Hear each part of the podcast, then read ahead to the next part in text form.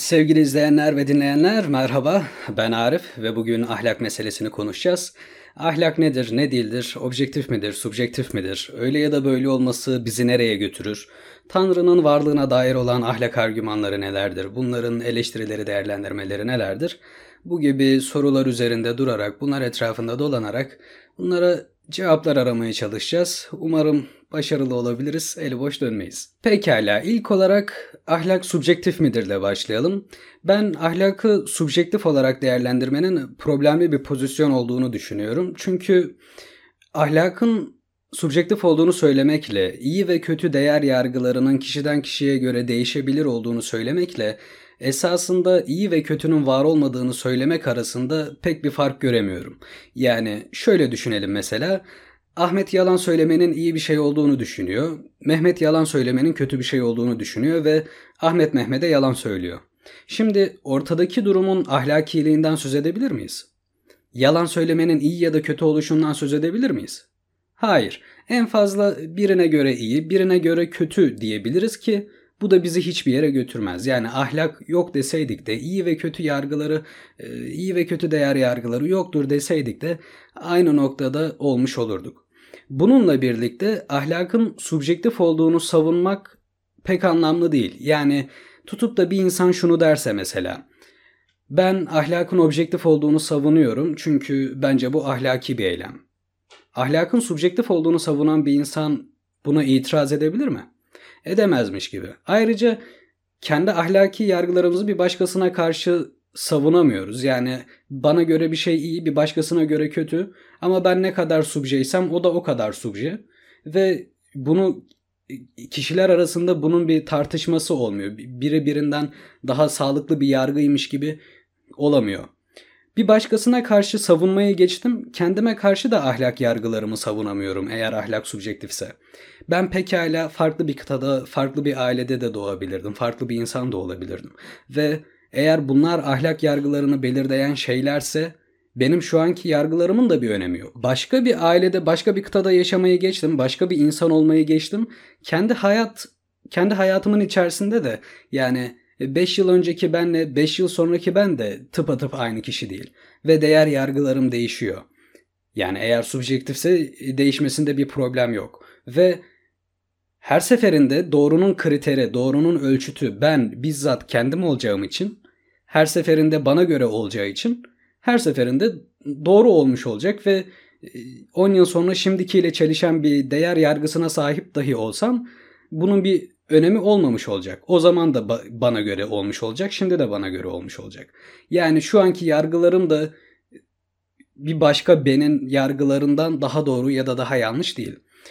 İş bu noktaya geldiği zaman bütün bunları bir arada değerlendirdiğimizde ahlakın subjektif olmasının çok da yani ha subjektif olmuş, ha var olmamış, ha iyi ya da kötü diye bir şey yokmuş. Yani bunların hepsi aynı kapı kapıya çıkıyor. Bizi aynı noktaya götürüyor. E, dolayısıyla böyle bir şeyi de savunmayı makul görmüyorum. Yani muhtevasından bağımsız olarak, içeriğinden bağımsız olarak bir ahlak sisteminin varlığından söz edeceksek, bir sistemin doğru ahlak sistemi olduğunu söyleyeceksek bu objektiflik iddiasını taşımalı.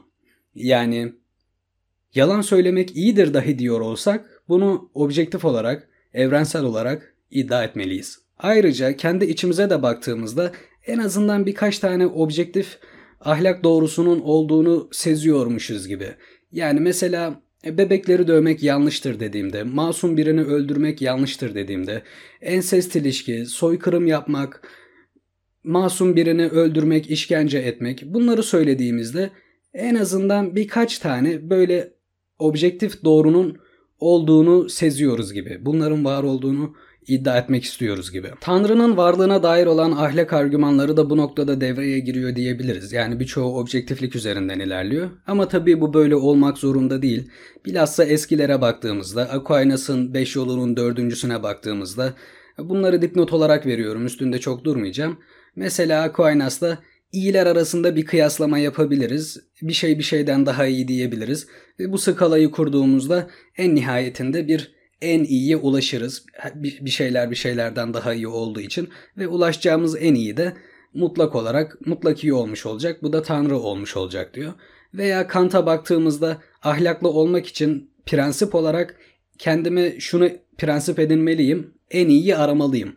Eğer en iyiyi aramalıysam bunun var olduğunu da kabul etmeliyim. Çünkü bir şey yapmalıyım diyorsam bu mümkün olmalıdır. Yani kendime imkansız bir görevi yükleyemem.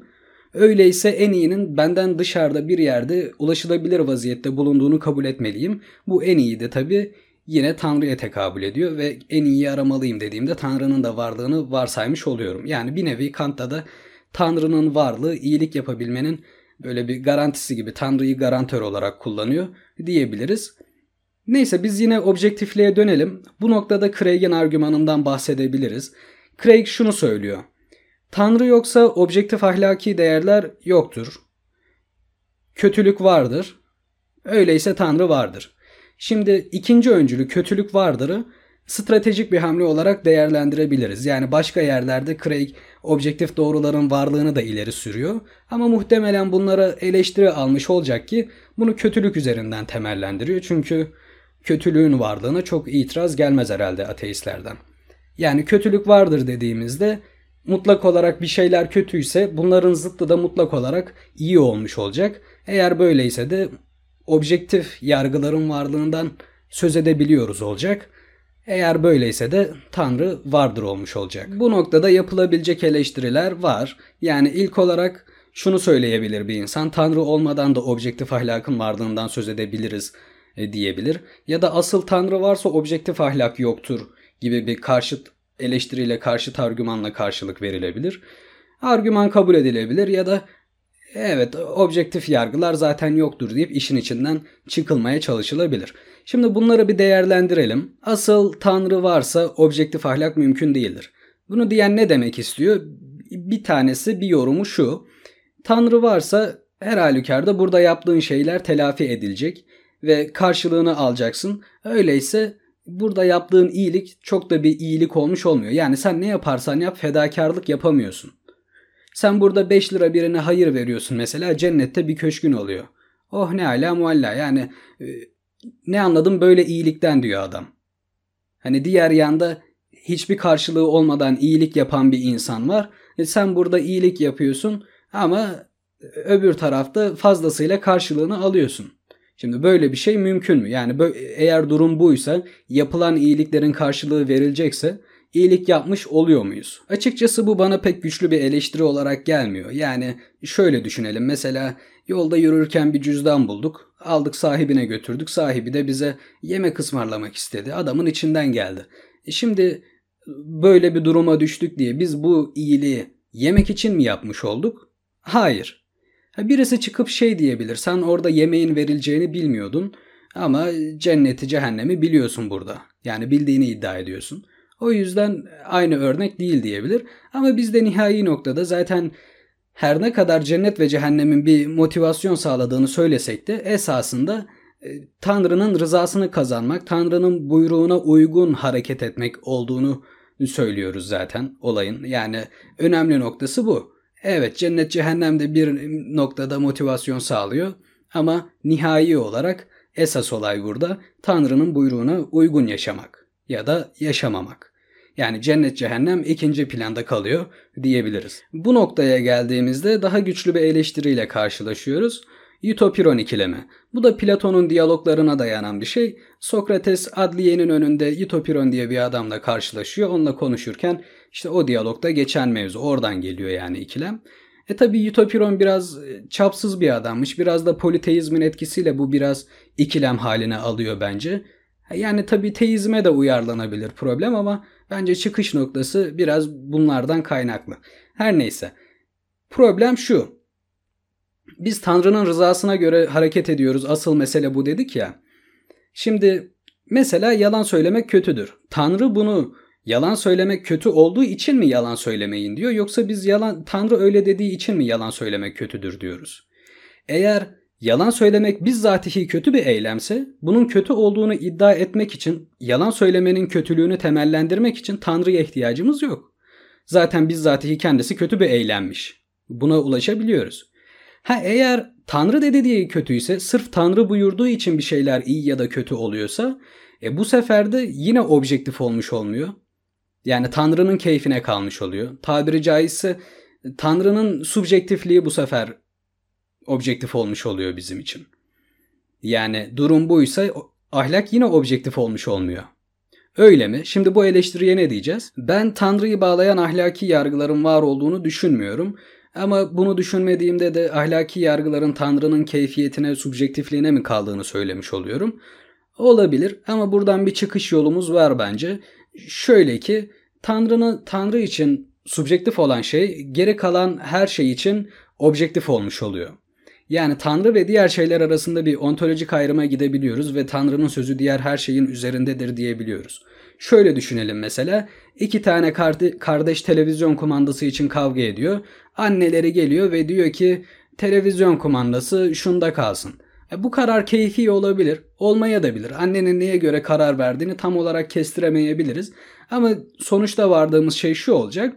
Kardeşler bunu kabul ediyor ve kumanda o kişide kalıyor, o çocukta kalıyor. Yani annenin sözü arkasındaki şeyden bağımsız olarak diğer buradaki iki çocuğun sözünün üzerinde ve onlar için objektif bir değer taşıyor. Annenin kendisi için bu farklı olabilir. Anne fikrini değiştirebilir veya değiştirmez. O anneye kalmış bir şey diyebiliriz. Ama çocuklar için burada anneden gelen söz mutlak bir geçerlilik taşıyor diyebiliriz. Yani bu şekilde de bu ikilemden çıkıyor olabiliriz. Ayrıca farklı bir şekilde de yani bu ahlak argümanını Robert Adams'ın kurduğu şekliyle kullanırsak da direkt bu ikilemede takılmadan sıyrılabiliyoruz diyebiliriz. O da şu şekilde Craig'inkine çok benziyor. Ama değer demiyor da yargı vardır diyor. Yani mutlak ahlaki değerler değil de direkt mutlak ahlaki yargılar vardır diyor. Bu da Tanrı'dan gelir diyor tabii yargı olduğu zaman.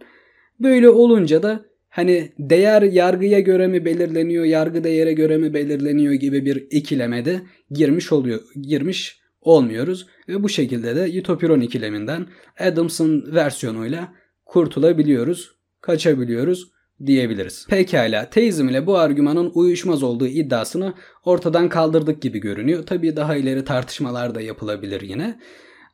Diğerine bakalım. Tanrı olmadan objektif bir ahlak yasası kurabilir miyiz? Meki dahil olmak üzere pek çok ateist bunun mümkün olmadığını söylüyor. Yani ateizmle beraber bir objektif ahlak yasasının varlığından söz edemeyeceğimizi söylüyor. Hatta Michael Ruse gibi ileri gelen naturalistler ahlakın bizim genlerimizin bize oynadığı bir oyun olduğunu söylüyor. Daha ılımlı olanları böyle evrim üzerinden, evrimsel psikoloji üzerinden daha böyle sosyolojik, psikolojik çıkarımlarda bir ahlak yasası kurabileceğimizi düşünüyor. Örneğin ensest ilişki yanlıştır çünkü engelli bireyler meydana gelir bu ilişki neticesinde çok yüksek ihtimalle.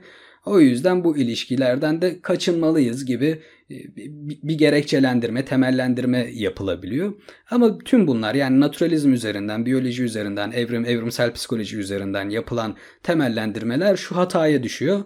Moore'un da dediği gibi bunlar naturalistik hatalardır. Yani ortada bir fact var. Hani şu şudur var. Sen bundan şunu yapmalıyız ya da yapmamalıyız çıkarıyorsun. Bunların hepsi burada oradan oraya sıçrıyorsun yani. Bunların hepsi bir hataya düşmüş oluyor. Mesela sigara içmek öldürür ama buradan sen sigara içmemeliyiz'i e, çıkarıyorsun. Burada senin varsaydığın şey insan hayatının değeri. Mesela önce bunu temellendirmelisin. İnsan hayatı niçin değerlidir? Niçin ölmemeliyiz? Niçin kendimizi öldürmemeliyiz? Yani senin bunu temellendirmen lazım önce. E, sigara içmek öldürürse öldürsün. Niye buradan içmemeliyiz'i yani sen bunu buraya dayadığın zaman ortada bir boşluk kalmış oluyor. Yani sıçrama yapmış oluyorsun. O yüzden bu tarz temellendirmelerde objektif bir temellendirme sağlamış olmuyor bize. Evrim üzerinden yapılacak olan ahlak temellendirmelerine yapılacak bir itiraz da şu. Evrime göre ahlaklı bireyler olmak için değil, hayatta kalan bireyler olmak için evrimleşmiş olmamız. Yani eğer iyiden bahsedeceksek evrime göre hayatta kalabilen insan iyidir. Ve bunun için de gerekirse Başkasının hakkını yiyebilirsin. Başkasının sırtına basabilirsin. Yani sen ne kadar fazla kendi neslini devam ettirebiliyorsan, ne kadar çok hayatta kalıp ne kadar çok sağlıklı bireyler yetiştirebiliyorsan o kadar iyisin demektir. Yani kriterimiz bu olduktan sonra da e, yine iş subjektif olana dönmüş oluyor ve e, ahlak yasasının da bir anlamı kalmıyor. Bu noktada mesela denet çıkıp şey diyebilir. Evet ahlaki doğrular yanlış olabilir ama bunlara doğrularmış gibi davranmamız bizim lehimize olacaktır. Hayatı daha yaş- yaşanılabilir kıla- kılacaktır diyebilir. Ya da Campbell mesela ahlaklı olmak ahlaklı olmamaya göre e, grubu daha ileri taşır. Bu yüzden de ahlaklı olmalıyız diyebilir. Böyle bir temellendirme yapabilir. Yani bunlar tabii bir çeşit gerekçelendirme olabilir ama nihai noktada yine bizim için objektif bir yasanın varlığın, varlığını imlemiş olmuyor. Yani sosyolojik açıdan belki faydalı şeyler gibi görünebilir ama felsefi olarak e, zemin teşkil etmiyor bize bir ahlak yasasının varlığından söz etmemiz için. Ayrıca eğer bu, bu şekilde sosyoloji, psikoloji üzerinden bir temellendirme yapılacaksa e, pekala birisi çıkıp şunu da diyebilir. E Tanrı'ya inanmak insana daha iyi hissettiriyor. İşte ölüm korkusunu yenmesine yardımcı oluyor vesaire.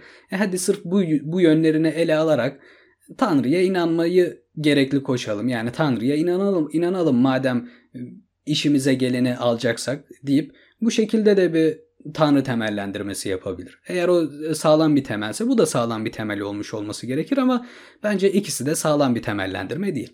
David Hume bu konuda ne diyor? Sürpriz olmayan bir şekilde içimizden ahlaklı olmak geldiğini ve bunun için bu, bu da ahlaklı olmak için e, yeterli olduğunu söylüyor. Yani Tanrı'ya bir insan inansın ya da inanmasın bir bebeğe karşı muhtemelen bir bebeği dövmek değil bir bebek gördüğünde işte merhametli davranmak içinden gelir. Ay ne tatlı falan yaparsın hani ister istemez. E bu noktada Hume'a ne diyeceğiz? Evet bu insanın içinden gelmesinin de bir karşılığı var. Hatta evrim, şey, evrimsel açıklamanın da bir karşılığı var. Ama bunların hepsi eğer bir tanrı varsa var. Yani pekala bir insan çıkıp şunu derse benim içimden de bir bebeği işte darp etmek geliyor derse. Bunun niye yanlış olduğunu söyleyelim. Eğer sırf içinden gelmesi bir temellendirme sağlıyorsa e, bununki de haklı bir gerekçe olmuş olacak o zaman. Şöyle bir örnek verelim. Elimde iki tane telefon var. iPhone 7 diyelim. Bunların ikisi de aynı şekilde çalışıyor. Aynı telefonlar zaten. Ama birinin arkasındaki logo silinmiş. İkisi de aynı telefon, aynı şekilde çalışıyor ama birisinin Apple'ın telefonu olduğu belli. Yani birisinin birisi Apple'a ait bir telefon, bir tanesinin kime ait olduğu belli değil. Ama ikisi de aynı şekilde çalışıyor. E gel zaman git zaman bu telefonlar bozuluyor ve parmak izi okumaz oluyor diyelim. Ben bunları garantiye götürüyorum. Logolu olan telefona adam bakıyor diyor ki Evet bu telefon iPhone 7 ve parmak izini okuyor olması lazım. Ama bu telefon okumuyor. O yüzden bunda bir problem var. Bunun düzelmesi lazım. Hadi garantiye gönderelim diyebiliyor. E diğer telefona bakıyor. Aynı telefon olmasına rağmen neye ait olduğu belli değil. Yani telefonun ne olduğu belli değil. Adam şunu diyebilir pekala. Ya bu telefonun parmak izi okuması gerektiğini nereden çıkardın? Bunun parmak izi okuması mı gerekiyordu? Yani bu okusa ne olur, okumasa ne olur? Okusa niye okudun demeyiz, okumasa niye okumadın demeyiz yani. O yüzden insanın içinden gelmesinin de bir anlamının olması için dışarıdan bir şeyle desteklenmesi gerekiyor. Yani insanın sırf içinden bir şeyin geliyor olması temellendirme sağlamıyor bize. E peki hadi bir tane insanın içinden gelmesi bir anlam ifade etmedi. Yüz tanesi olursa da mı ifade etmeyecek? Yani sağduyu dediğimiz şey, toplumsal sağduyu dediğimiz şey de mi bir anlam ifade etmeyecek? Maalesef Tanrı tarafından konulmadıysa eğer bunun da bir anlamı yok. Yani uçaktan düşen insanların birbirine tutunmasına benziyor. Hani bir tanesinin dayanağı yok ki yüz tanesi bir araya gelince bir dayanak oluştursunlar. O yüzden sağduyu da bu şekilde bir temellendirme vermiyor bize. Ayrıca yine sağduyu dediğimiz şeyin de farklı coğrafyalarda farklı şekillerde e, bulunduğunu söyleyebiliriz. E aynı şekilde bu bir itiraz noktası da olabilir mi? Yani sen istediğin kadar objektif doğrunun varlığından söz et ama e, pratikte görüyoruz ki 7 milyar insan varsa işte 7 tane kıta varsa her kıtada farklı bir şeyler var. Yani sen istediğin kadar burada objektif objektif de işin pratiğinde bu böyle değil gibi bir itiraz görebilir miyiz? Yani bununla karşılaşırsak ne yapacağız? Yani objektif doğruların insanların çokluğunu umursamama gibi bir şeyi vardır. Yani umursamazlar objektif doğrular. Bugün mesela dünyanın düz olduğuna inanan insanlar var diye dünyanın yuvarlak oluşu, geoid oluşu subjektif bir bilgi mi? Subjektif bir doğru mu? Ya da ben tutup da bundan sonra hayatım boyunca 1 artı 1 eşittir 1 diye gezsem mesela. Artık 1 artı 1'in 2 oluşu subjektif bir doğru mu olmuş olacak? Hayır. O yüzden Benzer şekilde de yani farklı ahlak sistemlerinin dünya üzerinde varoluşu ahlakın esasında objektif olmadığı, objektif doğruların olmadığı sonucuna götürmemeli bize. E peki ahlakı davranışa indirgeyemez miyiz? Yani inançlı bir insanın verdiği bin lira da mesela bağış yapıyor. Bin lira veriyor adam. O da bin lira. Onunla da gidip aynı şeyleri alabiliyorsun. İnançsız bir insanın verdiği bin lira da bin lira. Aynı para yani. Onunla da aynı değerde bir şeyler alabiliyorsun. E o zaman burada davranışçılık üzerinden bir sistem, bir ahlak kuramaz mıyız? Yani kuramazmışız gibi. E, papağanlara da konuşuyor diyelim o zaman. Yani ağzından çıkan kelimeler bize bir anlam ifade ediyor diye e, temeline bakmadan papağanlara da konuşuyor diyelim. Veya Google Translate'e de İngilizce biliyor diyelim mesela. Basit cümleleri ben de onun gibi çeviriyorum. O da benim gibi çeviriyor. E şimdi ikimiz de İngilizce ikimiz derken ben de Google Translate'de İngilizce bilmiş mi oluyor? Bilmek demek mi bu? Hayır. Aynı şekilde ahlaklı olmak da davranışa indirgenilebilecek bir şey değil. Şöyle bir örnek verelim buna da. Mesela iki tane araba otobanda gidiyor. Biz de izliyoruz. Sol şeritte ikisi de. Arkadaki araba öndekine selektör yapıyor ve öndeki araba kenara çekiliyor. Şimdi davranışa bakacaksak eğer şunu diyebiliriz. Öndeki araba arkadaki arabaya yol verdi ve iyi bir davranışta bulundu. E, arabanın şoförüne sorsak belki adam diyecek ki ya ben arkadaki arabayı fark etmedim bile. İleride sağa dönecektim, sağa çekildim. Arkamda araba var mı yok yok mu? Ondan haberim bile yok diyecek mesela. Yani durum bö- buysa eğer böyle şeylerle karşılaşabiliyorsak ahlakı davranışa indirgemek de pek makul bir tutum değil. Yani davranışların arkasındaki niyetlere bakmalıyız. Ameller niyetlere göredir demeliyiz. E tabi niyete baktığımızda da bu niyetin temeline bakmalıyız. Yani bu temelde ne var? Neye göre bu davranış gerçekleşiyor? O yüzden Tanrı'ya dayandırılmayan herhangi bir niyette yani Tanrı'nın rızasına dayandırılmayan herhangi bir niyette biraz sallantıda bir niyet olmuş oluyor. O yüzden objektif bir ahlakın varlığından söz edeceksek bunu Tanrı'ya dayandırmalıyız. Bu noktada insanların kurduğu diğer ahlak sistem, sistemlerinden söz edilemez mi? Mesela Kant'ın ödev ahlakı da objektif ahlak olarak değerlendirilebilir ya da Bentham'ın utilitarianizmi e, objektif ahlak olarak değerlendirilebilir. Yani tabii bunlar değerlendirilebilir. Hepsinin eleştirilecek açıkta kalan noktaları vardır diyebiliriz. Ama şu an bunlara girmeye gerek görmüyorum. Yani objektiflik üzerinden eğer değerlendiriyorsak meseleyi Bunlar yeterli görünüyor. E, tüm bunlardan sonra ateistlere ahlaksızdır mı dememiz lazım. Yani biz burada herhangi bir kişiyi ya da grubu hedef göstermiyoruz, örnek almıyoruz kendimize.